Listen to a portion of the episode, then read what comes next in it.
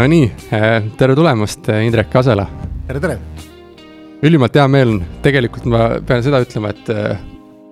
kui me investeerimisklubiga ürituse tegime, siis mul oli mõte siin sinuga ühendust võtta sind kutsuda investeerimisklubisse kuskil juba kolm aastat tagasi. aga näed, ei ole jõudnud siiamaani, aga mul on hea meel, et täna siis. no peaasi on sihikindlus, et ikkagi jõudsid, jõudsime sinnamaani, et ma olen siin, nii et. nüüd me istume seal, jah, nüüd me istume siin laua taga. Aga sissejuhatust ka kes Indrekut äh, ei tea veel, siis, äh, siis muljetavaldav selline CV või, või track record igast tegemistest, aga, aga alustame siis sellest, et õigusteaduse bakalaureus Tartu Ülikoolis tuhat üheksasada üheksakümmend neli ja sinna otsa siis õigusteaduse magister New Yorgi ülikoolis lõpetasid tuhat üheksasada üheksakümmend kuus. siis üks Eesti ID-kaardi siis loojatest ehk Guardtime'i Eel on nii-öelda Privadori tege-, tegev, tegevdirektor ja üks asutajatest. et seda paljud vist ei tea, nagu sa ütlesid ka, et, et, et kuskil viiekesi panid selle. nojah, see oli juba niimoodi eelmise sajandi nagu, nagu lood, et äh, ei, mul on jah äh,, ma siis tegelikult ma sinna, sinna ülikooli ja selle nii-öelda, me olime ka siis Eesti ühed esimesed äh, nii-öelda venture capital'i äh, ka tegeleva äh, firma, et meil oli siis oma väike selline investeerimis äh, butiik nimega Balti Cresco investeerimisgrupp, mis tegeles aktiivselt siis äh, just hästi palju erastamisnõustamistega ja, ja IPO-dega, et paljud ei teagi, et Eestis on olnud äh, ju kunagi aktiivne nii-öelda tehnoloogiasektori ettevõtete ipotamine, et meil oli nii XXL kui, kui siis Bennu Computer Technology, et me olime, et me, et tegelikult Eesti on nagu igal kümnendil olnud kuidagi nagu, nagu ajast, ajast ees. Ja siis äh, ja üks nendest ettevõtetest siis oligi jah, siis Privador. Ehk siis, mis kasvas välja Küberneetika Instituudist, tänasest äh, Küberist äh, ja oli siis Eesti juhtivaid infoturbe ettevõtteid ja juhtumisi samas majas siis äh, et praegu samal ajal loodi üks teist siis Eesti ettevõtet, meil läks natukene paremini rahvusvaheliselt, selle nimi oli Skype mm. -hmm. ja aga, aga nii-öelda Ehm, vähemalt see meie üritus on jäänud siiamaani siis nagu eestimaiseks, et jah, et Privador oli üks nendest äh, ettevõtetest, kes siis äh, aitas püsti panna sertifitseerimiskeskuse, aitas siis nii-öelda digiallkirja välja töötada, mul on siiamaani alles äh, selline paberil PowerPointi presentatsioon, mida me koos Tarvi Martensiga tegime mingil Äripäeva üritusel, et pidime inimestele seletama, mis asi on digiallkiri ja siis Ehm, noh, mina olin nagu vana advokaat või nii-öelda noh, juristis oli väga lihtne, ma ütlesin, et digiallkiri on palju parem, et see ei väsita kätt, et, et see et olid, olid sellised ajad Eestis, kus, kus tuli tõesti Power, PowerPointil inimestele seletada, mis asi on digiallkiri. ja, ja hiljem siis sai sellest ettevõtmisest Guardtime, mille mikroosanik ja siis nii-öelda üks nagu asutamise juures ma olin, et, et täna nad jätkavad ilma minuta, aga nendest on jah siis saanud siis põhimõtteliselt maailma juhtivaid nii-öelda Guardtime'il läheb jah. päris hästi jah, et aga ma arvan, et võib-olla sellest ibotamisest ja tehnoloogiast äh, pärast räägime lähemalt, et oleks huvitav kuulda küll, et sellest tõesti ei ole kuulnud.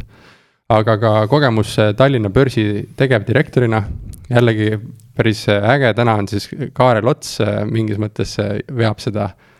börsivedurit, et eh, kas see oli sarnane ametikoht siis sul ka varem? ei, see oli jah väga, see on ainuke kord, kus mind tõsta nagu, nagu palgatud tööle, et, et ma tahtsin, nagu ma ütlesin, tahtsin proovida ära, mis, mis on nagu palgatöö nagu kogemus. see oli hästi huvitav aeg, et me olime seal siis samal ajal üks minu kaastöölistest, töölistest äh, oli siis ka Kaidi Ruusalepp, kes täna on Funderbeami asutaja ja samuti samal ajal meil Martin Villik, kes on siis nüüd äh, Äh, Taxify asutaja olnud ja, ja see sattus sinna aega täpselt, kus toimus kaks hästi olulist äh, muudatust, äh, et siis Tallinna börsi ja temale kuuluv Eesti väärtpaberite keskdepositoorium siis võtsid üle kõik aktsiaraamatud, et siis toimus siis nii-öelda elektrooniliste aktsiaraamatute üleminek, mida me täna peame samamoodi hästi iseenesestmõistetavaks, et meil on nagu kõik väärtpaberitehingud toimuvad elektrooniliselt. et ja teine oli siis, oli teise samba Äh, pensionikeskuse loomine, ehk siis sisuliselt me läksime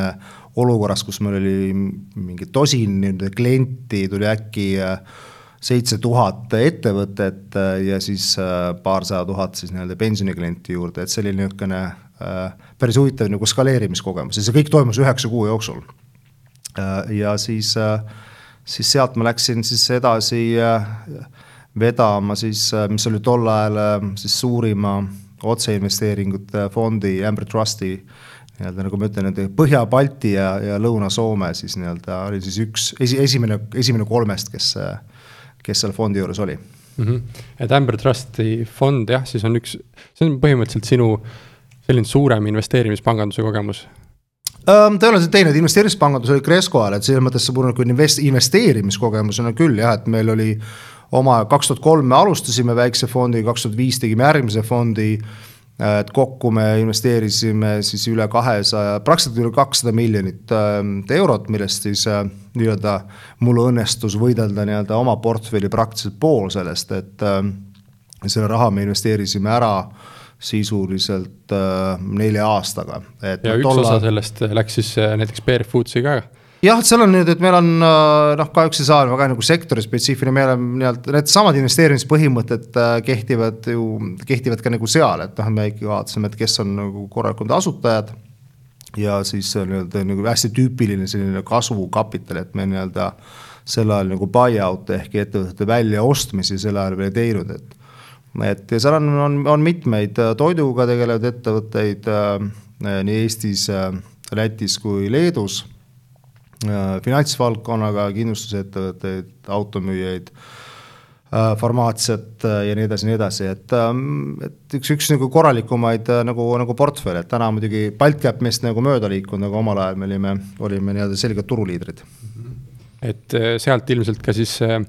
PR Foodsi nõukokku, kus kaks tuhat kaheksa kuni kaks tuhat viisteist ja lisaks siis nõukogudest võib-olla Eesti äh, või see Ekspress Grupp kaks tuhat neliteist aastast äh, alates ja praegu oled Eleringi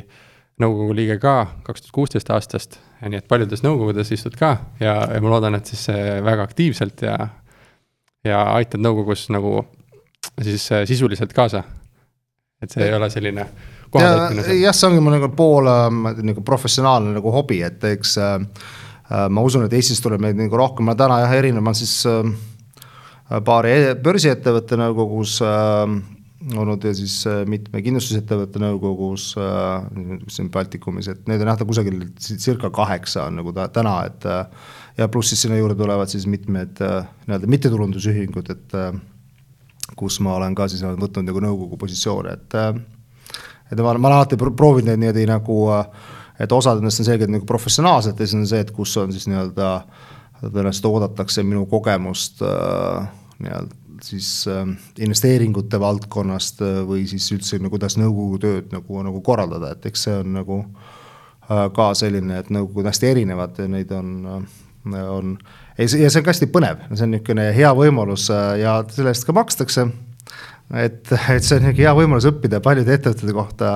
et mida nad siis tegelikult nagu teevad, et noh, Elering on, on väga huvitav selles mõttes, et ma nagu olin ja ka kindlasti väga oluline ettevõte nagu Eesti jaoks, see on olnud hästi suur au ja selles mõttes ka nagu väga suur nagu kohustus, et äh, me siiski räägime ühest põhilisest Eesti nagu infrastruktuuri ettevõttest. ja, ja siin CV väljalugemise lõpetuseks siis äh, paar olulist asja ka, et, et partner riskikapitali fondis United Angels ja varasemalt siis teinud inve-, ingelinvesteeringuid äh, Äh, näiteks ongi noh, Taxify, Teleport, äh, Linguist, äh, Click and Grow ja, ja kindlasti on seal paljusid teisi ka veel. et praegu siis lugesin ette mõned sellist, mida rohkem teatakse. ja, ja muidugi praegu aktiivselt siis PR Foodsiga tegelev tegevjuht ja, ja seal ka investor. Et, et lubatakse ikkagi aktsiaid hoida ja ei, ma ähm,, äh, see on jah, et, et ma olen juba sellest ajast, kui ma tegelikult olin börsidirektor, et ma olen nagu see nii-öelda börsi käekäik olnud hästi-hästi oluline ja ma olen ka nagu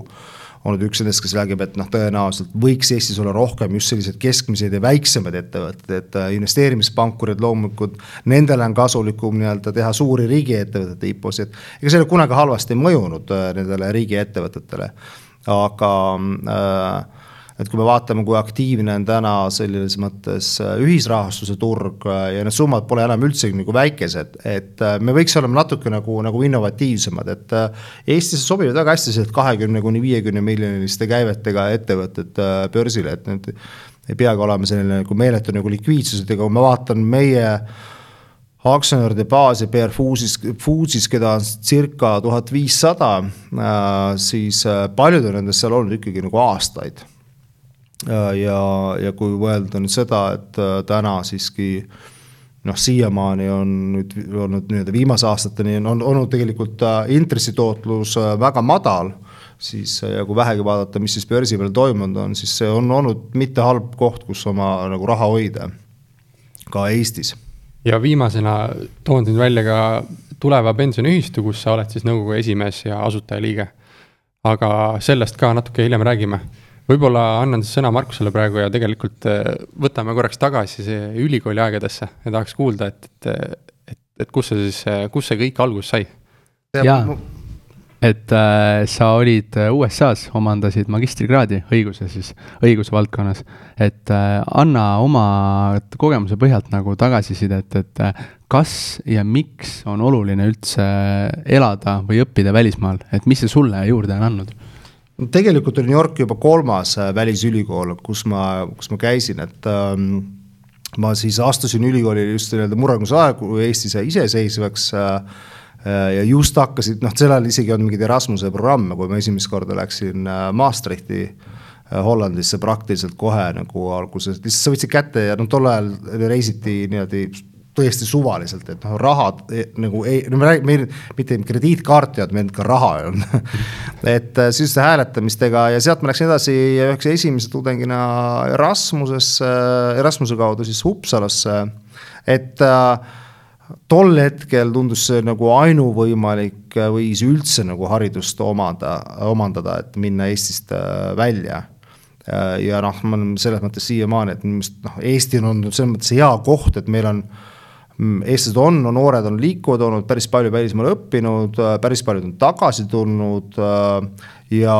eestlasi tahetakse, sest tavaliselt on nad olnud väga head ka üliõpilased. et ega siis äh, konkurents on äh, nii tugev ülikoolide vahel, et seda igal pool, et nad tahavad saada parimaid endale, nad konkureerivad selle poole pealt ja, ja selles mõttes on eestlasena välismaa ülikoolis hea olla, et nende reputatsioon on väga kõrge.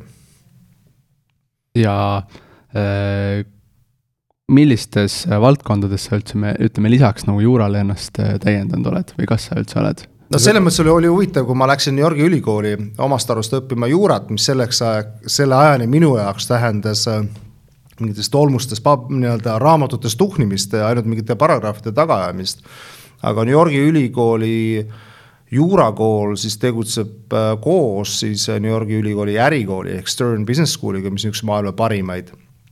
Äh, ja see oli päris suur šokk, kui nii-öelda esimeses loengus kohe pisteti mulle kätte siis äh, Hewlett Packard HP12C, mida siis saab noh, kõik, kes on finantsi õppinud, teavad, mis see on. ja Breeley Myersi siis äh, corporate finance'i nagu printsiibid et äh, tol ajani, või sest tol ajal Eesti advokaadid ei osanud veel midagi muud teha peale kokku lüüa siis nii-öelda äh, töötunde. et äh, ja see oli äh, et aga toimida Ameerikas äh, advokaadina, eriti äriõiguses, noh, sa pidid kõikidest valdkondadest nagu teadma, et, et sel ajal see oli täiesti tundmatu, et minu meelest, mis see on, see on selline nagu asi, mida ma olen ka palju muul näinud, et sellist nagu äh, nii-öelda interdistsiplinaarsust on nagu, äh, et sa saad olla hea advokaat, kui sa tead väga hästi, milline su klientide nagu töö tegelikult nagu on, et noh, et sa pead teadma nii-öelda oma uurimisobjekte. Ja see oli küll see, et kui ma sealt tagasi tulin, siis ma samas mõttes jaotasin oma tuttavatele Eesti noorte advokaatidele siis neid nii-öelda ettevõtte finantseerimise nagu raamatuid, tol ajal keegi ei teadnudki, mis asi on võlakiri ega midagi muu, et et see oli selline nagu üks võib-olla üks suuremaid selliseid äh, avastusi. väga lahe. selles äh, ülikoolis äh, siis said nagu mingis mõttes seda ärivaldkonda päris palju sisse, sest äh, seda nagu New Yorgis ilmselt siis anti rohkem ja suunati rohkem, aga mis on need mõned veel lisaks alternatiivsed valdkonnad, mida sa ise kooli, noh, selle haridussüsteemi kõrvalt juurde pidid õppima või milles sa oled väärtust näinud tänapäeval? no ei noh, selles mõttes, et me, mul ka selles mõttes vedas, et me olime ka ju, kui me käisime juba keskkooli ajal tegelikult, me olime üks esimesi koole praktiliselt Nõukogude Liidus, kus õpetati programmeerimist ja no siis oligi, et no kõik paralleelklassivennad tegelikult olid siis nii-öelda need Skype'i asutajad. Priit, Jaan, Ahti, nad on kõik on ju klassivennad, et äh,, et ma läksin tegelikult New Yorki tagasi pärast filmi õppima. et ma arvan, et see ongi nagu, et ega see ülikoolis, noh, see täna see nagu spetsialiseerumine toimub palju nagu hiljem, et äh, ja kui näiteks võtta finantseerimise valdkonnast, siis ähm, niimoodi tutvusringkonna kuuluvad siis mõned, mõnede maailma suurimate fondide juures tegutsevad inimesed, täpselt samamoodi läbi ülikooli, ehk siis ülikool tegelikult on eelkõige on siis haridus, teiseks on ta sinu suhtlusvõrgustik. Ja see suhtlusvõrgustik aja jooksul läheb aina rohkem nagu, nagu hinda, et noh, kui sa vaatad, kuhu, kuhu inimeste karjäärid nagu, nagu veavad neid välja ja huvitaval kombel näiteks tol hetkel juba parimad nagu Wall Streeti firmad äh, ei võtnud enam MBA-ga ehk siis nii-öelda ärijuhtimise magistrit tööle, vaid võtsid inimesi, kellel oli siis võib-olla kraad hoopis äh, kirjanduses. et saada selliseid nagu alternatiivseid äh, vähemalt nii-öelda, et ei võta rohkem inimesi, kes, kes ei mõtle nii-öelda, kes suudavad mõelda nagu kastist välja. et äh, mm, noh, selles mõttes juura on ülihea nagu, nagu, nagu baas, kust nagu minna nagu, nagu edasi, aga kui võrreldes tehniliselt, ma olen juristina töötanud ju ainult aasta aega kogu oma elu jooksul, nii et äh, sa võid. aga, et ma arvan, see ei ole, see ei ole nagu vahe, küsimus on, mis sa teed sellega, mis sa edasi teed. et selles mõttes see on nagu kõige olulisem, et noh, et ära jää seisma nagu aga mis sa edasi siis tegid, et, et kui, mis peale ülikooli siis toimuma hakkas ja, ja kuidas sa jõudsid omadega siis äh, tegelikult äh, kasvõi sinna Äh, ID-kaardi süsteemi loomiseni või? no äh, päris ajaloo saates kätte ära ei lähe, et aga see oli selge, kui ma lõpp, ma esiteks New Yorgi ülikool on maailma kõige lähedal olev ülikool Wall Streetile, et selles mõttes loomulikult me nagu nii-öelda nägime ja hingasime seda Wall Streeti nagu rütmi, et siis paratamatu, kui sa Manhattanil oled aastal nii-öelda üheksakümnendate keskel, siis see oli nii-öelda teatud mõttes selline japi kõrg, kõrgaeg nagu selles mõttes, et jah, nii-öelda young urban professional siis äh, ehk siis nii-öelda tolleaegsed hipsterid ilma habemeta, kes siis teenisid palju raha, et nagu, kes on vaadanud filmi Gordon Gekko Wall Street, Wall Streeti hundist, siis teab, millest, et nii-öelda see, me räägime sellest vanemast, mitte sellest nüüd noorest. Et ähm, aga valik oli suhteliselt lihtne, et äh, tol ajal siis üheksakümmend kuus ma lõpetasin, lõpetajate palk oli tol hetkel Ameerika kõrgem, see oleks olnud, olnud sada kümme tuhat dollarit äh, nii-öelda alguspalk, mis loomulikult tundus nagu ka Ameerika mõttes väga-väga palju. aga äh, selle raha eest ma oleks tõenäoliselt kaks-kolm aastat alguses pidanud lihtsalt pabereid kopeerima. samal ajal Eestis üheksakümnendate nii-öelda teine pool läks just väga huvitavaks peale erastamine ja siis ähm, kuna mu sõbrad Andres Rätsep ja Indrek Rahumaa olid juba tulnud Eestisse tagasi, ka nemad olid välismaal õppinud ja asutanud siis äh, investeerimispanga, siis äh, sõna otseses mõttes, et kui ma nii-öelda maandusin New Yorgi lennukist ja nii-öelda läksin tööle, siis minu esimene tehing oli tolle aja suurem, kõige suurem erastamine siis Eesti merelaevanduse, millest sai omakorda arenes välja Tallink äh, ja see tehingusumma oli siis seitsesada viiskümmend miljonit äh, krooni, et see oli nii-öelda, ma olen see, kirjutati, see maksti tšekiga pangas. Et see oli niimoodi, et äh, siis äh, et see lihtsalt, see oli nii palju põnevam, et ma loomulikult tegelikult ma kaotasin sissetulekutes nii-öelda, aga lihtsalt see, siin sa said kahekümne viie aastaselt teha suuri asju. Aga absoluutsummades kaotasid, aga ilmselt elatustase oli ka madalam siin. absoluutselt ja, ja see on alati, mida ma inimestele meelde nagu tuletan, et noh, ma ma olen kõige vähem mujal elanud nii-öelda globaalne eestlane, et vaata, kui nüüd kokku võtta, siis ma tegelikult olen ainult ju elanud poolteist aastat New Yorgis ja ülejäänud kogu oma elu tegelikult Eestis. et noh, ta on olnud vahepeal selline transiitjaam, et et nagu ka siit täna ma niimoodi, et nüüd, nüüd ma reisin vähem, olen nii-öelda noor isa, aga et aga siiski ma arvan, et selliseid lennupäevi aastas tuleb ma olen mingi, võib-olla mingi viiskümmend tükki kindlasti, kui mitte, kui kuuskümmend. Need, need enamus on siis seotud äh, PR Foodsiga praegu? jah, need on nagu ja minu arust noh, Tallinn on selles mõttes ideaalne, et kui me vaatame täna nagu, kus kohas Tallinn nagu asub, et noh, mul on, see on parim koht minu jaoks elamiseks, sest et ühelt poolt mul on nende kaheksa, üheksa tunni kaugusel on nii New York kui Hongkong. Äh, ja need on nagu maailma kõige huvitavamad linnad minu jaoks.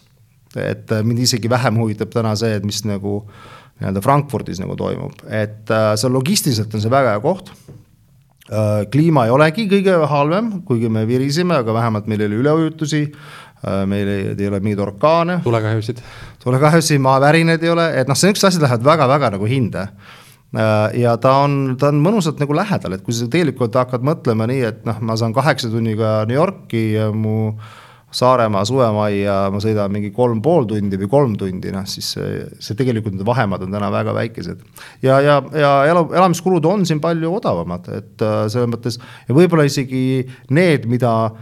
just need, mille eest me ei maksa et äh, kui me võtame lihtsa asja näiteks nagu nii-öelda nagu, aga elus ja kõige olulisema laste sünni, siis äh, noh, Eestis tõenäoliselt vist kõige kallim erasünnitus on vist kolmsada viiskümmend eurot. Siis samasugune sünnitus maksab sul Ameerikas sada tuhat. et me viriseme väikeste palkade üle, aga samas meil on nagu tegelikult noh, see riik on suhteliselt efektiivne olnud ja, ja riigieelarves on alati palju raha olnud äh, nagu ma, ja me saame palju asju, mis meil nagu tasuta on, on tegelikult mujal. Need ravijärjekorrad ei ole pikad. tervishoid, haridus ja sellised asjad. tervishoid, haridus, et see on tegelikult meeletul heal nagu tasemel ja noh, nii-öelda New Yorgis Manhattani lapse kasvatamine põhimõtteliselt, kui sa tahad saada talle head haridust, äh, noh, juba minu ajal oli ülikooli õppemaks äh, üle kahekümne tuhande, äh, noh pluss siis sinna juurde elamiskulud ja kõik muud. Ja kui me vaatame, palju Ameerikas on tudengivõlga, noh sisuliselt, sisuliselt nii-öelda nullist täiskasvanuks heades ülikoolides lapse kasvatamine on poole miljoni projekt New Yorgis. et äh, sisuliselt on see pool miljonit meil siin nii-öelda tasuta käes ehk aga... siis panna nii-öelda konteksti, siis tegelikult on meil Eestis nagu väga, väga hästi asjad et.... on jaa, absoluutselt ja minu arust aina paremaks nagu, nagu lähevad, aga noh, vaata, eks see on ikka need, need, kes reisivad ja vaatavad nad kaotajapinda, nemad näevad seda, nüüd see, kes istub, on ju nii-öelda küünlavalgel, noh, mitte nüüd küünlavalgel, on ju. Kusagil ja vaatab ainult, on ju siis Eesti Televisiooni ja loeb, on ju mingit Delfit või Postimeest, tema jaoks on muidugi noh, asi nagu maailmal noh, totaalsel nagu ütleb Krister Rahu persekursil on ju. et nagu, aga noh, fakt on nagu see, et Eestis ei ole elu kunagi nii hea olnud, kõigil, mitte nüüd väikestel välja valitud rühmadel, kõigil on nagu parem, kui te arvate, et nagu nelisada kaheksakümmend või kolmsada eurot pensioni on nagu, siis ka mujal on hästi palju nagu, nagu vaeste inimestega, aga need vaesed seal ei pääse täna isegi, aga need võtame Ameerika. tänavapildis kasvõi on ju. tänavapildis ja noh, mul, mul on juhtunud korra, ma olen pidanud minema nii-öelda äh, siis kiirabisse Ameerikas mingisuguse lihtsalt äh, näpp oli katki ja see oli sada viiskümmend dollarit. aga seal paljud inimesed lihtsalt ei saa, noh puhtfüüsiliselt neil puudub võimalik minna täna lihtsalt äh, kusagile nii-öelda saama nagu äh, meditsiinilist abi, et äh, ma arvan, et hindame nagu seda nagu, Karol Hindriks täna kirjutas ka, et kõik nagu vihkavad nagu midagi kogu aeg, selles mõttes, et noh, tegelikult on meil siin hea olla, et oleme alandlikumad ja õnnelikumad ja viriseme vähem jah, inimene harjub kõigega ja sa harjud selle hea asjaga ära ja siis hakkad ikka proble probleeme nägema. ja ma ütlen ka seesama, et noh, ütleme seda, et te saate teha niisugust nagu raadiot siin lihtsalt ja et noh, see on tegelikult on need nii-öelda maailmas siis päris suured nagu, nagu luksused, et äh, aga no ikka nii-öelda inimene on aeg-ajalt äh, Äh, rahulolematu sellega, mis on, et ikka, ikka rohi on ikka rohelisem nagu mujal, et noh, mis, mis teed. aga kui siia jõudsime selle teemaga, et, et siis Eestisse tagasi tulles äh, pandi sulle kohe lauale selline tööots või, või ülesanne, et sa pidid siis hakkama seda äh, mereettevõtet nii-öelda erastama, aga räägi veel sellest, selle erastamise perioodist ja, ja, ja nendest tehingutest siis ja, ja mis sinu osa seal oli? No ma, minu, minu käest on päris tihti küsitud nüüd praegu, et mis on selle Eesti edu nagu saladused olnud. Ähm, ja ma arvan, seal on mitu, ähm, mitu olulist teemat, kui ma lähen tagasi. Äh, üks oli jah, siis see, et äh, meil oli äh, punt noori haritud inimesi, kes tahtsid asju teha teistmoodi. Ja nagu ma ütlesin, et noh, meil oli ka see, et ka meie elanikkond, ma unustan seda ära, et, et see Eesti oli Nõukogude Liidus ainuke riik, kus sai vaadata lääne televisiooni. et me ei pidanud alustama nagu nullist peale. et siis äh, nii-öelda, kui me vaatame kõiki noh, nii-öelda arvates Mart Laar, Jüri Luik äh,, Tiit Pruul ja seda seltskonda, siis nad kõik olid idealistid niimoodi. siis teine oluline asi oli see, et äh, äh, kuidas üldse nii-öelda toimus erastamine, kuidas jagati nii-öelda laiali nagu siis nii-öelda vara et kõik eestlased siis, kes elasid korterites, said tasuta korteri, ehk nendel tekkis nii-öelda home equity kohe äh, ja teatud mõttes see nagu tasandas natuke seda, sest need, kellel olid eramajad, näiteks noh, minu vanemad elasid eramajas, nemad siis ei saanud midagi. et selline esimene võrdsustumine toimus seal, aga põhimõtteliselt kõigi, polnud vahet, et kellel oli Mustamäe korteris, tal äkki tekkis talle mingisugune vara. teine oli siis see, et äh, meil ei ole nii-öelda poliitilisi oligarhe selle põhjus on see, et meie erastamismudel järgis siis nii-öelda Saksa mudeli ehk, et ehk siis Treuhandi mudelit, mitte siis ameeriklaste poolt Venemaale soovitud vautš-, nii-öelda soovitatud vautšeri mudelit. Äh, ja mis tähendas seda, et alati eelistati ettevõtete erastamisel, erastamisstrateegilisele investorile, võimalik, välis, ehk siis välismaale strateegilisele investorile ja ei tahetud erastada olemasolevale juhtkonnale. Et isegi nii-öelda see mingisugused EBP-ga skandaalid, kes mis olid, need olid tegelikult väga-väga nagu väikesed. ja kui me mäletame, siis ju ka meie poliitiline klass ikkagi oli täiesti korruptsioonivaba ja seda me õppisime soomlastelt. et üheksakümnendate aastate äh, suur e eelis oli see, et tol ajal Eesti juhid küsisid nõu täna me oleme nii targad, et me kipume teisi kogu aeg õpetama. Ja, ja, ja küsida nõu väga paljud õigelt inimestelt ja loomulikult meil on siis see, et meil on maailma arenenumad riigid naabriteks. naabrite efekt on nagu hästi suur. Soome efekt, siis nii, nii läbi selle nii-öelda ärikultuuri kuni siis selle, et me kõik läbi tänu Soome televisioonile saime nii-öelda akna nagu maailmale. pluss me saime selle, me nägime, mis see tegelikult seal oli erastamise mudel, mis välistas selle, et tekkis selline poliitiline korruptsioon äh, siia ja siis sealt edasi tuleb loomulikult siis noh, kõik, mis puudutab tehnoloogia äh, nagu arengut, et me saime hüpata nagu kohe. me saime väga palju sellist ebaefektiivsust välja, et kui me mõtleme selle peale, mida tegelikult digiallkiri ja ID-kaart on teinud, siis ta on välistanud selle võimaluse, et bürokraat saab hakata takistama inimese suhtlemist riigiga. ehk see vähendab Äh, bürokraatiat ja see, mistõttu ka vähendab palju korruptsiooni. Et see on olnud niisugused hästi-hästi olulised nagu, nagu teemad. Ja meil lihtsalt oli võimalus olla siis äh, ja aidata suuri äh, Eestile siis olulised ettevõtted, ega noh, me ka ju mõtlesime välja, aitasime aastate jooksul, kuidas toimub Tallinna vee erastamise mudel. kahjuks meie mudel, mis oleks olnud tarbijale palju soodsam, ei ei leidnud äh, Jüri Mõisa, kes oli tol ajal linnapea poolehoidu, tema vaatas seda kui lihtsalt kapitalist, aga siiski ta on nagu hästi Tallinna prügila, merelaevandus äh,, otsapidi natuke Eesti Raudtee selle juures, et noh, et ja, ja see tähendab, tähendab seda, et nad, nad kõik tegelikult said ka kohe nagu korralikult investeeritud, et noh, kui me mõtleme nii, et Eesti merelaevanduse ühest laevast kasvas välja maailma suurimad laevandusettevõtteid Äh, Tallinna lennujaam on olnud läbi aegade üks parimaid lennujaamasid Ida-Euroopas. Estonian Air oli omal ajal esimene, kes võttis kasutusele Boeingid. et ähm, äh,, et selles mõttes selline niisugune, et me võime kõike teha, sest see on meie riik. ja võime me nii-öelda, ta oli the sky is the limit, seda attitude'i oli nagu hästi nagu, nagu palju, et natuke sellist noh äh, kõiki asju tehti nagu täie, täiel, täiel nagu, nagu rinnal. ja need on, see on andnud kogu see vundamendi, mille pealt me täna siis nagu, nagu tegelikult naudime neid nagu, nagu vilju et.... kas see suhtumine on muutunud praegu, et kui sa vaatad, mis praegu noored teevad või, või mis sa isegi teed, et? ma ei usu, et ma, ma ütlen, et mina, mul oli sellist pikk debatt just, et äh, mina arvan, et noored ei ole muutunud ja noored on alati olnud nagu palju äh, noh, nii-öelda innovatiivsed, aktiivsemad. et lihtsalt väljendusvormid on nagu teised, et äh, ja kindlasti me nagu näeme täna, et äh, kui võrdleme seda, et veel viis aastat tagasi nii-öelda Eesti rikaste topis olid ainult nii-öelda äh,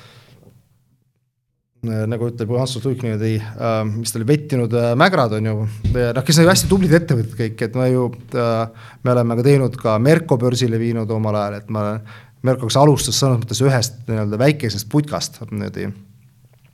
et äh, ei, lihtsalt noh, ajad on nagu selles mõttes on nagu, nagu muutunud, ma ei, ma ei näeks, et, et see on nagu palju, et mis on muidugi noh läinud, on nagu on see, et meil on tekkinud sellist nagu professionaalset äh, äh, palju professionaalset sellist bürokraatiat juurde, mida omal ajal ei olnud, et me oleme inimesed ju, kes tegelikult olid nii parlamendis või riigitööl, noh, nad olid, tulid kusagilt mujalt ameti kõrvalt nagu. et sellised, kes loksuks seal äh, süsteemis sees, neid ei olnud ma ei, ma ei usu, vastupidi, et äh, ma näen täna hoopis mingit teist laadi nagu energiat, äh, äh, mis ei ole võib-olla niisuguses nii-öelda minevikus nagu, nagu kinni ja palju nagu rahvusvahelisemad, et Tallinn on vähemalt või nüüd Eesti on tegelikult noorte jaoks väga rahvusvaheline koht. teatud mõttes võib-olla isegi rahvusvahelisem kui Helsingi. aga sealt edasi minnes, et et neid võimalusi ära kasutades ja sina kasutasid seda võimalust ka, et, et, et see Bear Foods äh, nii-öelda rekonstrueerida ja ümber ja et, et räägi sellest loost ka natuke, kuidas tuli mõte siis üks ettevõtte struktuur niimoodi veidi ümber mängida ja kuidas sa üldse sinna sisse sattusid? no ähm, tuleme sellest, et noh, kuna ma olen olnud viimased äh, siis viisteist aastat tegev nii-öelda investeerimise, otseinvesteerimisfondiga, kelle nagu põhine siin siis nii-öelda kasvatada oma investorite vara äh, ja, ja noh, nii-öelda kasv on seeläbi, mille me siis seda nagu, nagu teeme, et et noh, omal ajal me siis nii-öelda ju alustasime kalast, liitsime selle jäätise, pöörasime selle ettevõtte täiesti ümber, me ostsime siis Premiali kahjumis, täna ta on kõige kasumlikum jäätisetootja kogu regioonis. Ma loen sinna hulka nii Soome kui Rootsi ja Baltikumi, kus on nii-öelda noh, vabaturg Äh, ja lihtsalt, äh, aga noh, meil on, meil on ka see, et noh, tol ajal tegelikult äh, oli palju vähem kapitali nagu Eestis, et sisuliselt me ikkagi jäime natuke selle lõksu, et meil ei olnud piisavalt palju kapitali, et, et nii-öelda minna veel nagu regioonist nagu välja. Ja siis me tulime nii-öelda kala ja me nagu vabastasime osa kapitali, me olime noh teinud nagu oma nii-öelda maksimeerinud selle ettevõtte tulemuse nende vahenditega, mis meil oli. et siis ja noh, ma ise nägin palju suuremat rahvusvahelist nagu võimalust, arenguvõimalust just nagu kalasektoris, mis on palju globaalsem palju kiiremini kasvav, sest noh, globaalselt tegelikult jäätisturg kahaneb. et ja selles mõttes nagu Baltikumil teatud mõttes nagu, nagu anomaalia, aga ja aga noh, kalas me selgelt nagu me oleme täna juba palju rahvusvahelisemalt, see on turg, kus ma võin seda toodet müüa nagu igal pool nagu maailmas. Ja tal on ka palju suurem maailma paranduslik nagu funktsioon, et tegelikult täna tegelikult missioon või nii-öelda on, on kasulik ja kasumlik, et äh, ja mulle see nagu selles mõttes nagu meeldib, et me ei vaata ainult, et mis siis Excelis nagu toimub, vaid ka see, et mis on nende ettevõtete mõju äh, meile kõigile. No kuidas see muutus nõukogust siis tegevjuhiks äh, välja nägi? no nagu, nagu ikka ju fondid ju ostavad ettevõtted ja palkavad äh, juhtkonnas ta nii-öelda juhtima ja tavaliselt, kui me müüme seda, neid ettevõtteid, siis need ostetakse nii-öelda koos juhtkondadega, et nähtud mõttes me olime nagu sundolukorras. et äh, me müüsime ju Premia koos siis tolleaegse tegevjuhtkonnaga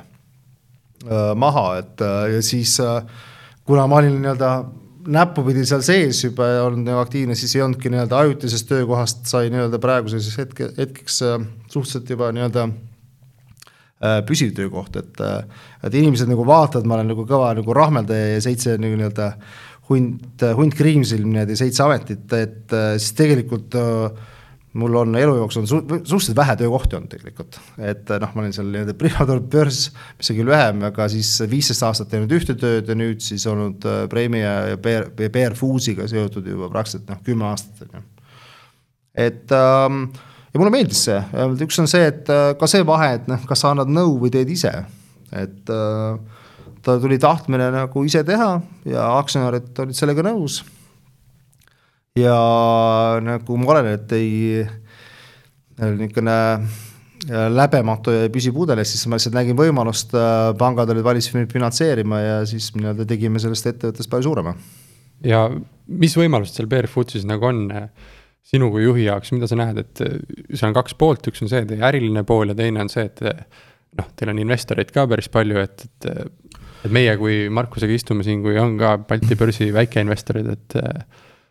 et, et mis võimalused sealt meie jaoks tekivad ja kuidas sina näed, kuidas seda ettevõtet no, kasvatada? ta on hästi põnev selles mõttes, et, et nagu ütlesid, et, et see on tegelikult, me pöörame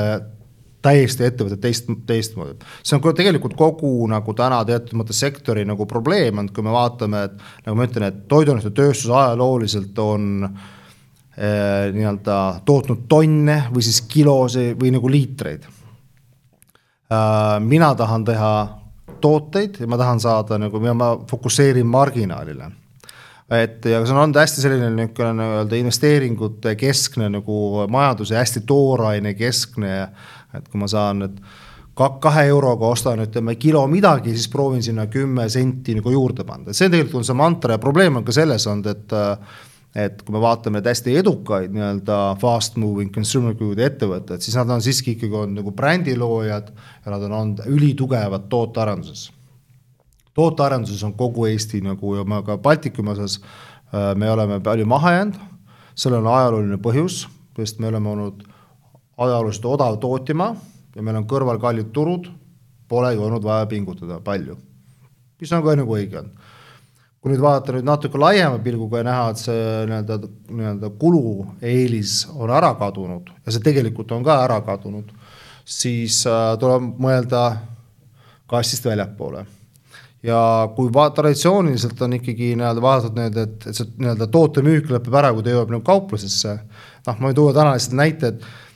et me saaksime oma tooteid paremini müüa, siis ma veedan enamus täna oma aega mitte isegi tehas sees, vaid rääkides suurte kaubanduskettidega siis Eestis, Soomes, kuidas muuta seda ostukogemust. et müük ei lõpe minu jaoks sellega ära, et ta on kusagil letil väljal, toode ei ole see, kui ta on minu juures pakitud, vaid toode on valmis siis, kui ta kodus, see klient võtab ta välja ja hakkab seda sööma. et ma pean kogu seda nagu, seda nii-öelda väärtusketti nagu tundma ja teadma ja, ja disainima. et äh, nagu alati sellised noh, ettevõtete pööramised on hästi rasked, et äh, kõige suurem vastuseis tavaliselt tuleb ettevõtte sees. et äh, me oleme kogu aeg nii teinud, miks me peame midagi muutma äh, ja ongi nagu, ega paljudel ongi, et noh, meil oli ka niisugune turvaline olukord, me võiksime rahulikult teha nagu kolm-neli miljonit nagu ebitaad nagu iga aasta. noh, mõni aasta rohkem, mõni aasta vähem. noh, mina tegin samasuguse ülemuse küsimuse püstitus, kui me tegime tol hetkel jäätisest et kuidas, et kuidas on võimalik teha selle ettevõttega nüüd viisteist kuni kakskümmend protsenti ebitad. isegi Unileveri, me oma Premia, Premia omamise ajal me nii-öelda elasime üle nii-öelda vist viis äh, Unileveri äh, M&A pealikku ehk siis nagu tehingute pealikku, kes käisid äh, minuga kohtumas, siis äh, me olime, meil oli ka Peterburi suurimaid tehaseid ja nad ei saanud aru, kuidas on võimalik, et meil on nagu kaks korda kasumlikum jäätisetööstus, kui on Unileveril endal. et äh, ja ma lihtsalt mõtlesin ja ma vaatasin, mis on lihtsalt on nagu võimalik sellest sektorist äh, nagu või mis on toiduainetes üldse nagu need kõige kasumlikumad ettevõtted ja kas meil on võimalik sedasama mudelit rakendada nagu Bare Foodsi peal. et noh, see kindlasti ei toimu üleöö, noh tavaliselt need protsessid võtavad nagu aasta mingid, mingid aastad ja nagu ma olen öelnud ka, et selle käigus tõenäoliselt me nii-öelda ma, ma ei ole, ma ei karda seda, et meie käive langeb. et ma täna ehitan tegelikult asju nagu, äh, nagu tuleviku peale. et ma arvan, et me oleme isegi äh, arvestades, kui rasked need pööramised tegelikult on, et ehitada seda ettevõtet järgmiseks viieks, kümneks, viieteistkümneks aastaks et me oleme nii-öelda suhteliste väikeste ohvritega nagu, me ei ole pidanud tehaseid sulgema, me ei ole pidanud kedagi massilisi koondamisi tegema. et ja see on põnev see on hästi põnev. milles see järgmine võimalus seal siis äh, seisneda võib? no ma vaatan lihtsalt, ütleme, mis on suured nagu, et noh, kuidas maailma ära toita ja kuidas äh,,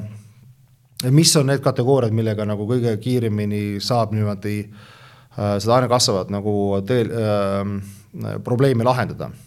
et ja mis on Eesti nagu uued võimalused, kui isegi maailma üks suurimaid äh, piimatootjaid riike ja Uus-Meremaad ja kõik arvavad, et kalatööstus ületab nende äh, siis piimatoodete toot-, nii-öelda äh, piimamajandust. siis kui me vaatame Eesti puhul, et see on, see on nagu kaks asja, üks on see, et see on esiteks globaalselt hästi konkurentsivõimeline, hästi kiiresti arenev äh, äh, valdkond, tõenäoliselt üks kiiremaid nii-öelda baastoiduainetes, üks kõige kiiremini arenevad nagu sektorid. teiseks on see, Eestil on hästi suured eelised, mis on siiamaani täiesti kasutada, Eesti on väheseid riike kogu Balti mere ääres, kus täna oma kala ei kasvatata ja võtame väga lihtsalt, kui me mõtleme, et nii-öelda sea või siis äh, loomaliha hinna saab mingi kahe, kolme, nelja äh, euro juures, siis kalast me räägime siiski nii-öelda juba lõpptootes me räägime nüüd neliteist ja edasi nagu eurost. et ta on, ta on lihtsalt, on kõige kõrgema lisaväärtusega loomne proteiin. ta on kõige väiksema loodusliku jalajäljega. ma tahan, et ka minu lapsed saavad siin riigis edasi elada ja ta on ülikonkurentsivõimeline valdkond võrreldes paljude muude põllumajandustoodetega. meil on loodusega antud, antud siis äh, konkurentsieelis, Balti meri on väga hea koht, kus kasvatada kala. et äh, nüüd on küsimus on järgmine see, et äh, et mis asi see kala on, me kõik oleme arvanud, et me oleme, nagu ma ütlen, et me tegeleme siiamaani kõik veel esmase töötlemisega. müüme fileesi, me müüme mingit tükki. täna inimesed ei söö kala mitte enam pannes seda kusagile leiva peale, vaid nad söövad kala pulkadega et ega siis nagu sushi niimoodi on, on kõige populaarsemaid äh, toite üldse nagu maailmas. ja mind, mind järgmisena huvitab just see, et, äh, et kuidas sellest tootmisbaasist nagu teha nagu täiesti uusi nagu tootekategooriaid et see on äh, kategooria siis, et kuidas väärindada nii-öelda, kuidas väärt-. jah, selles mõttes, see on nagu käi kaasas, et see ei ole nii, et me räägime, et noh, et, et ja nii-öelda minna esmasest töötamisest nagu tõesti nii-öelda siis nagu lõppväärtuse äh, nagu loomiseni. Ja noh, ma olen öelnud, et ma ei välista, et me nagu jääme ainult selliseks ettevõtteks, kes müüb oma tooteid poodidele, et täna me näeme ka müügikanalites, ma arvan, hästi põnev on see, mis toimub müügikanalites. eriti me näeme seda Aasias, me näeme hästi põnevad, millised on nii-öelda äh, tarbijakogemuste nagu muutused, tarbijad täna ostavad poest, tahavad kohe poes süüa, see on nii-öelda siis Alibaba uue nii-öelda keegi ei lähe poekotiga koju, kas väike robot või keegi viib selle koju ära. nüüd küsimus on ka selles, et, et kuidas seda äh, võimalik maksimum ka saada kätte sellest nii-öelda ühest lood. ma, ma olen väga, see on väga sarnane äh, näiteks äh, puidutööstusele, puidukeemiale, et see on nagu looduslikult taastuv teatud mõttes nagu vara, küsimus et kas me nüüd teeme sellest palgi või me teeme sellest nagu puidukeemia. Islandi firmad on täna osad, kes suudavad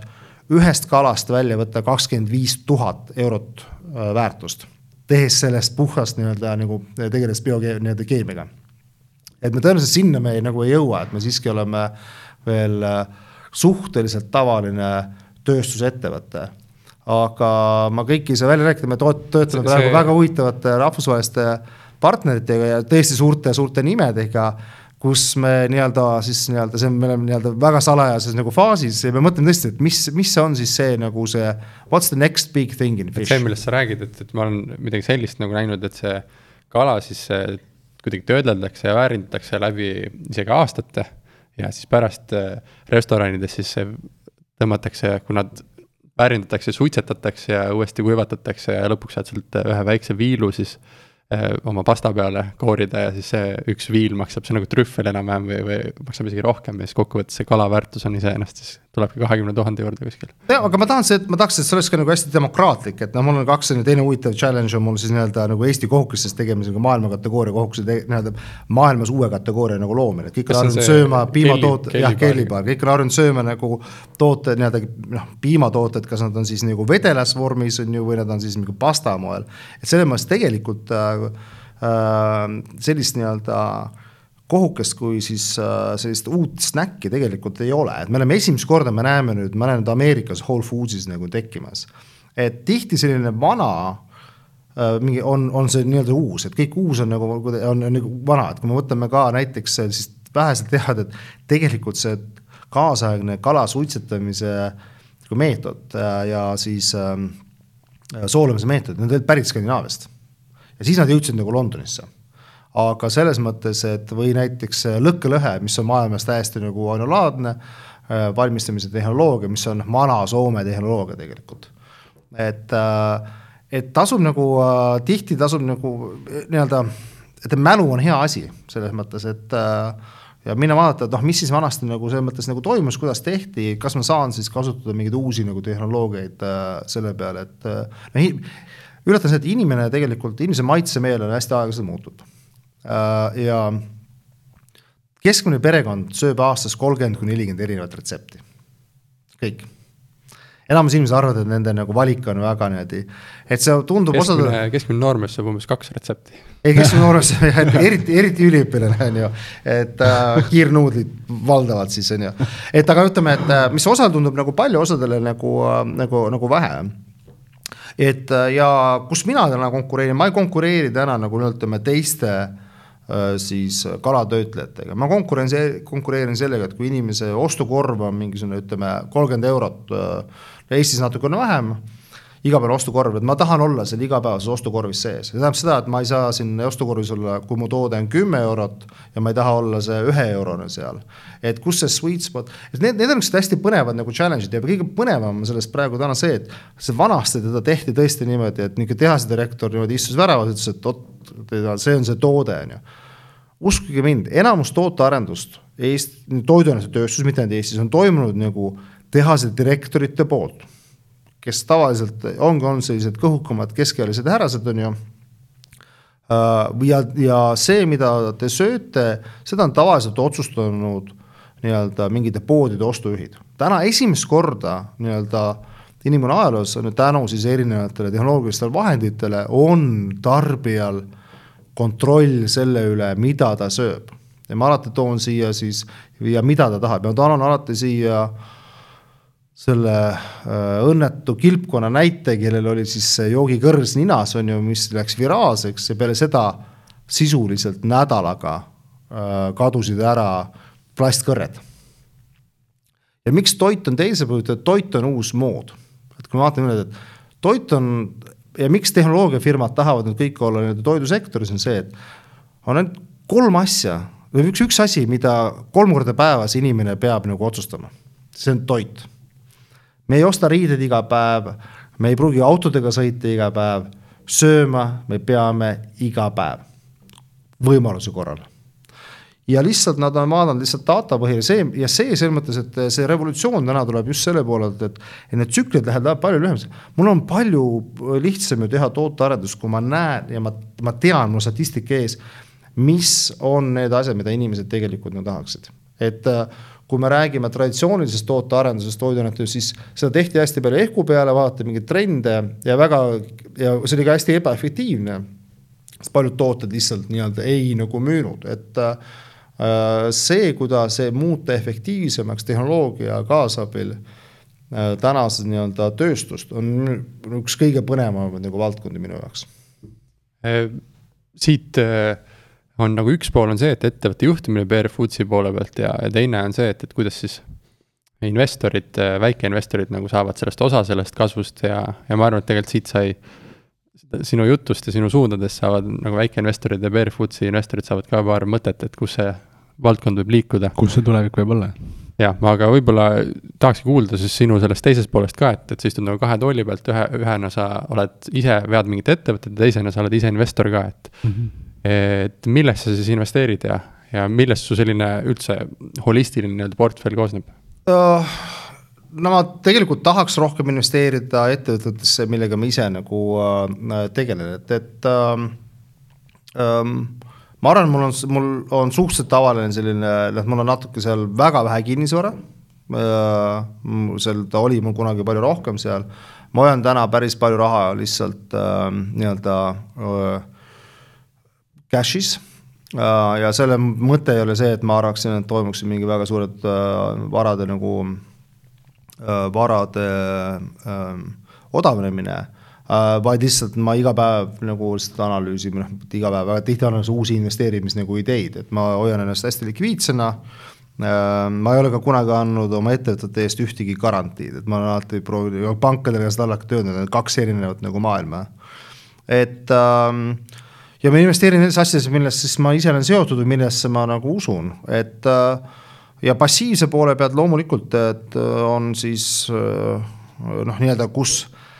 kus king pigistas meid kõige rohkem, oli siis miks me Tuleva omal ajal tegime, et noh, ma pidin selle nii-öelda investeerimistootega seotud olema, see on suurim investeerimistoode Eestis üldse. Uh, väga hea initsiatiiv, sest tänu sellele eestlased üldse hakkasid aru saama, mis asi on, mis on, mis on säästud ja mis on investeerimine et kahjuks me börsi puhul ja see on poliitiline viga olnud, et me ei ole soodustanud siis äh, just väikeinvestoreid äh, läbi maksustamise investeerima rohkem äh, börsidele. noh, täiesti selgelt ka mina hoian enamus oma väärtpabereid oma ettevõtte nimel, sest nii on lihtsalt palju kasumlikum. et, et ähm,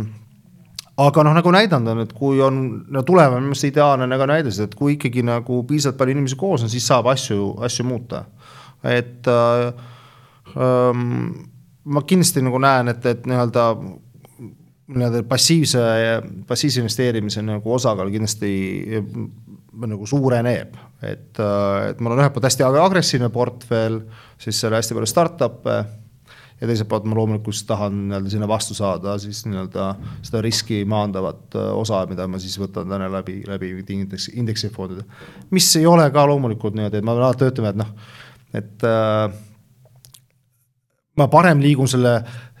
rikkusega on selline naljakas asi, et, et ega kas see, et noh, kui kunagi mul oli sada tuhat eurot, siis tundus, et vau wow,, et I kind of made it, on ju. siis oli miljon, siis oli, tundus juba, et, et see on nüüd nagu see, on ju. et mitte küsimus ei ole see, et kui, kuidas te tunnete ennast, et küsimus et nagu ikka, et palju naabril raha on oleneb kellega võrreldes on ju. oleneb kellega võrdled et äh, selles mõttes, et äh, miks ma nagu indeksi alati ütlen ka, et noh, et, et, et kui äh,, kui teil naabritega koos läheb halvasti, on ju, siis on tegelikult on okeigi ütleme. peaasi, et nendel nagu, nagu paremini nagu ei, ei lähe, et ja noh äh, maailma vastu nagu selles mõttes äh, ei, ei saa, et ähm, aga ega nüüd eestlased ei ole nüüd kirjaoskum- ja finantskirjaoskumuses nagu halvemad kui nagu teised, et ega samamoodi, samamoodi kehvalt investeerivad võib-olla äh, aga võib kõik peagi, et ega selles mõttes see on noh, ma lihtsalt, lihtsalt tahan seda, et see süsteem oleks palju nagu läbipaistvam, et noh, see on ikkagi poliitiline otsus, kuidas seda tehakse. see on olnud väga hea otsus, poliitikutel pole olnud julgust teha seda veel paremaks millised on sinu sellised üleüldisemad suuremad investeerimise printsiibid, et millised ettevõtted just sind huvitavad, mis, mis omadused neil olema peavad? No ealiselt nüüd, kuna ma olen vanemaks saanud, loomulikult huvitab rohkem selline nagu väärtuspõhine nagu investeerimine. et ma selles mõttes ikkagi, et äh, nii-öelda ettevõtete bilansse lugeda ja ma arvan, eks kõik, et nagu see Warren Buffett on nagu ikkagi parim selles maailmas, et noh, ega ta ilmaasjata lihtsalt nii edukas nagu, nagu ei ole. et äh, ja seal sinna, kus on, sinna tuleb nagu, nagu selgelt nagu juurde, et äh, ma olen küll hästi just selles mõttes, et äh, ma ei ole teinud nagu isik, nii-öelda üksik, üksikuid panuseid mingitele aktsiatele äh,. Äh, et minu siis jah, ma ütlen, et nagu kogu nagu globaalne portfell istub nagu tegelikult indeksifondidest. teine on see ka, et see ikkagi see põhiline põhiline, mis on ka venture capital'i puhul, et ähm, mulle meeldib ikkagi investeerida asjadesse, mille puhul ma kas siis noh, mis, mis iganes ka, et ma nagu tunnen seda valdkonda ja, ja nii-öelda saan minna katsuda, et kas selle ettevõtte nii-öelda uks ikka käib lahti, on ju, selle jaoks. et äh, see ei pea täna enam nagu füüsiliselt olema, aga selgelt on nagu äh, on noh, miks enamus inimesi investeerib nii-öelda kodumaiselt, on, sest noh, sa tunned pare-, paremini selles mõttes seda, seda valdkonda. et ma ei tea, kas see nagu vastas sellele mõttes, et äh, et ma arvan, et kõige olulisem on, on ikkagi äh, ütlen uh,, see on kõige paremad leiutis jah, on siis nii-öelda ikkagi see liitintress, et nagu ma olen öelnud, et noh, et, et hakake väikselt peale ja lihtsalt akumuleerige, akumuleerige, akumuleerige. aga et, sinu puhul on nagu hästi näha seda, et, et kõik investeeringud, mis sa teed ähm,, sa teed praegu vähemalt sellist investeeringut, kus sa saad mingis mõttes lisaväärtust luua. kasvõi see indeksfondide läbi investeerimine, sa ikkagi äh, proovid süsteemi muuta, et see oleks sinu jaoks jälle kasulikum, et, et mis hetkel sa nagu taipasid, et, et investeerida tuleks nendesse asjadesse, kus sul on mingi eelis või? no sa saad, see, see on nagu selline investori ja ettevõtja nagu vahe, et ma loen, et ma olen kusagil seal nagu kahe vahel tegelikult, et ma ei ole nagu väga hea ettevõtja, sest ma tegelen liiga palju erinevate valdkondadega. ja ma ei ole liiga hea investor, sest ma nii-öelda lähen näpupidi sinna nagu juurde, et noh, hea investor tegelikult peab lihtsalt vaatama hästi külmalt ja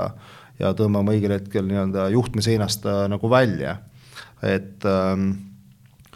ähm, ma, ma sellistel juhtudel tavaliselt lähen nii-öelda ikkagi nagu appi ja proovin nagu midagi muuta. see lihtsalt on, see on privileeg, see on võimalus, et mul lihtsalt, ma saan nii-öelda, nii-öelda näppupidi asjadel äh, juures olla äh, ja loodetavasti olla niimoodi juures, et ma ikkagi nii-öelda loon mingit väärtust, mitte oma targutamisega ei, ei äh, siis äh, ei sega inimestel tööd tegemast et äh, kuna mul praegu see võimalus on, siis ma loomulikult nii-öelda hoian rohkem mune nagu selles äh, korvis, olles nii-öelda aktiivne investor, ettevõtja. et ähm, äh, ja, aga noh, ütlen, et noh, kusagil peab olema see, see nii-öelda see väike varu ka nagu olnud, et noh, sa saad riske võtta, nagu ma alati olen öelnud, et noh, et, et rikkad võivad lubada endale, ma ei ole rikas, ma olen, nagu ma alati ütlen, ma olen Eesti niisugune varakas et äh,. mis see tähendab siis, mis rikkus? ei, ma arvan, ma arvan, see on nagu see, et noh, selgelt ma nagu loomulikult ma ei saa elada nagu rantieelu täna, et noh, ma olen ka võtnud, ma olen ka kaotanud loomulikult ja ma olen, minu põhimõte on näiteks startup'is investeerimis on, et ma sisuliselt, ma kunagi ei hinda neid nagu ülesse, et minu Taxify äh, investeering on seal siiamaani minu ettevõtte bilansis selle hinnaga, millega ma ostsin ta. et eks aeg-ajalt on tore ikka mõelda, mis ta on, aga noh, sa pead vaatama seda, et ei äh, sa saad seda tegelikult ainult siis hinnata, kui sa, kui sa oled selle kellelegi nagu ära, ära nagu äh, müünud, et äh,, et sa nii-öelda, et täna mul on jah nii-öelda võimalik äh, veel nagu, nagu ähm, äh, riskida, selles mõttes, et aga ma pean jah, tegema tööd äh,, et, äh, et elada, ma ei ela täna nii-öelda kasvikutest. Aga kas see on nagu mingi eesmärk või mingi siht, et või see on loomulik käik, kui ma arvan, et äh, noh, vaat ma olen, mul on see teine pool, mis on natukene, et ähm, ähm, ma ainuke, mida ma võib-olla kahetsen oma investeerimise puhul, et ma ei oleks, et ma oleks võinud olla palju sihikindlam, siis, siis mul oleks seda raha rohkem, mida ma saaksin ära anda. et äh, ma olen tegelikult äh, läbi oma elu väga palju äh, nii-öelda äh, juba, juba, juba varases faasis, kui ma teenisin vähem raha, ma olen alati toetanud siis nii-öelda mingeid äh, MTÜ-si ja, ja muid instituute, et ma nagu olen vaadanud seda, et noh, et raha puudumine tun-, tundub mulle väga ebaõiglane maailmas olevat, et kui inimesel on hea idee ja siis ta jääb selle taha puudu, ta lihtsalt ei ole, noh, me räägime siin mingist kunstnikust või muusikust või mingit filmitegijatest. et ähm, ma regulaarselt annan jah ära päris suure osa oma iga-aastasest sissetulekust, mitte mistõttu ma täna ei saagi veel elada kasvikutest, et aga nii-öelda andmise rõõm on nagu väga ja see on, see on nagu ma ütlesin, et täna missioon, nii-öelda missioon on, on on kasulik ja ka äh, ettevõtete mõttes ka, et kui me vaatame, mis ka nagu Bear Foodsi nagu poole peal, siis me ei ole kala, me ei ole ettevõte, kes lihtsalt ostab kala, teeb sellega ja müüb edasi et seal on nagu palju midagi muud ja sealt tuleb see tegelik äh, nagu väärtus. et äh, aga jah, personaalselt tagasi tulles, et äh, oleks raha rohkem, siis saaks ka rohkem raha ära anda nii-öelda heategevuseks. raha vist võiks alati rohkem olla äh,? ja ma arvan, tegelikult on, loomulikult on nagu äh,, on hea, kui sul on selline noh, nagu turvaline niisugune fallback, et noh, ma, mis, miks ma arvan, Eesti on selles mõttes olnud nii ettevõtjalik tegelikult on see, et äh, kuni praktiliselt lõige viimase ajani pole nii-öelda meil kellelgi suuri pärandusi olnud. et nüüd hakkab esimest korda tekkima Eestis klassi inimesi, kes tegelikult siis nii-öelda noh, pärivad oma vanemate käest siis mingeid ettevõtteid või, või nagu vara, on ju. ja teatud mõttes on selline asi, et mul on väga palju tuttavaid, kes on nii-öelda, on klassikalised äh, nii-öelda trust fund baby'd, kellel on siis need miljonid seal pankades olnud juba kümneid või, või aastasadu. et ähm, nagu ma ütlen, et see on, see on, see on üks elu, mida me elame, see on sellisena meile antud äh, ja see on kõik nagu väga palju meie enda kätes, mida me sellega nagu teeme ja kõige suurem viga on sellega mitte midagi teha, vaid lihtsalt äh, istuda nurgas ja mõelda, oi küll, kui hea teistel on ja mis oleks, et noh, kõik need oleksid on need siis kõik tegelikult kasutamata äh, võimalused, et äh,. ja neid me kahetseme kõige rohkem teinekord Neid me kahetseme kõige rohkem, et äh, kui sa mõtled, et noh, et kas ma nagu olin õnnelikum või kas mul oli nii-öelda kui ma ülikooli ajal äh, noh, meil ei olnud üldse raha, siis me nagu hääletasime nagu ta, Tartust Tallinnasse hääletasime. Et ähm, said ikka nagu, nagu hakkama, et ähm, ma, ma ei oska öelda, sest ma pole selles positsioonis nagu, nagu olnud, et äh, et, ähm, et nii-öelda nautida lihtsalt äh, rikkaks olemist. aga selline üks ähm, hea küsimus, samas kindlasti raske vastata. et äh, kui sa peaksid nüüd ähm, tagasi minema ajas, et mis sa teistmoodi teeksid oh,? Um, ma arvan, et suurt midagi, et uh, ma arvan, see nagu ma keegi kunagi küsis, et me, ma olen seda vedanud, et ma olen saanud olla selline nagu kroonik ja nappipidi natuke juures mingitel väga olulistel ajahetkedel ja sündmustel Eesti ajaloos. et kui ma vaatan, noh, ma olen näinud ära, ma olen elanud Nõukogude Liidus, ma olen äh, näinud ära Nõukogude Liidu kokkukukkumise, olles ise olnud barrikaadidel, selles mõttes mingi niisuguse teismelisena. Äh, ma olen saanud välismaal reisida, õppida palju nagu sõpru, ma olen saanud teha suurepärast nagu äh, tööd. Äh, ähm, ja, ja nagu ma ütlesin, ma, ma ei ole pidanud olema nii-öelda, ma ei ole kunagi pidanud tegema sellist üheksast viieni tööd. Mm, ja, ja mul on sõpru palju teistest valdkondadest nii-öelda, et, et ma arvan, et seda, see, et me elame Eestis tegelikult noh, me ka, ma vaatan ka teiste väga rikast elu. selles mõttes just kogemuste mõttes. et äh, ma ei ütle täna ausalt et ma niimoodi midagi nagu tee-, oleksin teinud nagu teistmoodi, et kas ma oleks pidanud jääma nagu äh, Ameerikasse, et eks loomulikult ka mul käivad sellised laiskuse hetked peas, et kui mõtled, et oi kui tore nagu oleks niimoodi. aga noh, ma olen saanud kõik äh, nii-öelda ära teha, nii eralennukid kui äh, jahid ja, ja mis iganes, et ähm, ähm, et selles mõttes see on, see on äh,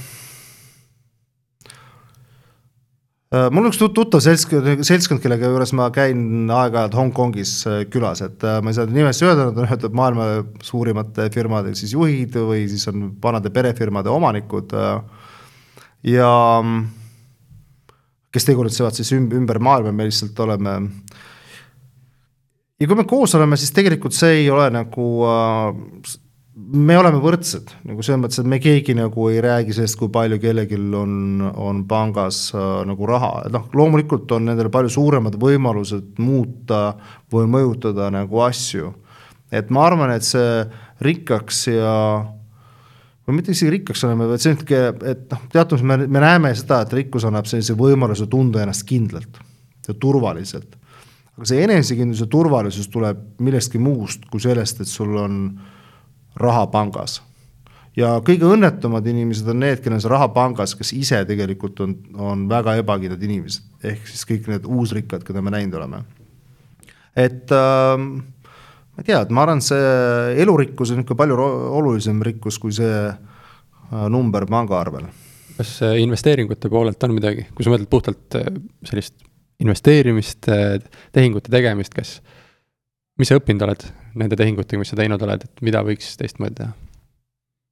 ma arvan, et on oluline on see, et äh, ütleme nii, et kui sa seda loed ajalehest, siis on juba tõenäoliselt hilja, et äh, täna eriti on ju kõik infokanalid lahti, et sa võid absoluutselt, et äh, nagu ikka, üheksa korda mõõda, üks kord äh, lõika. kõige halvemad investeeringud on need, kui ma nii-öelda olen proovinud tabada mingit sellist nii, et oi, et nüüd täna kindlasti, head investeeringud on head investeeringud täna, homme ja ülehomme.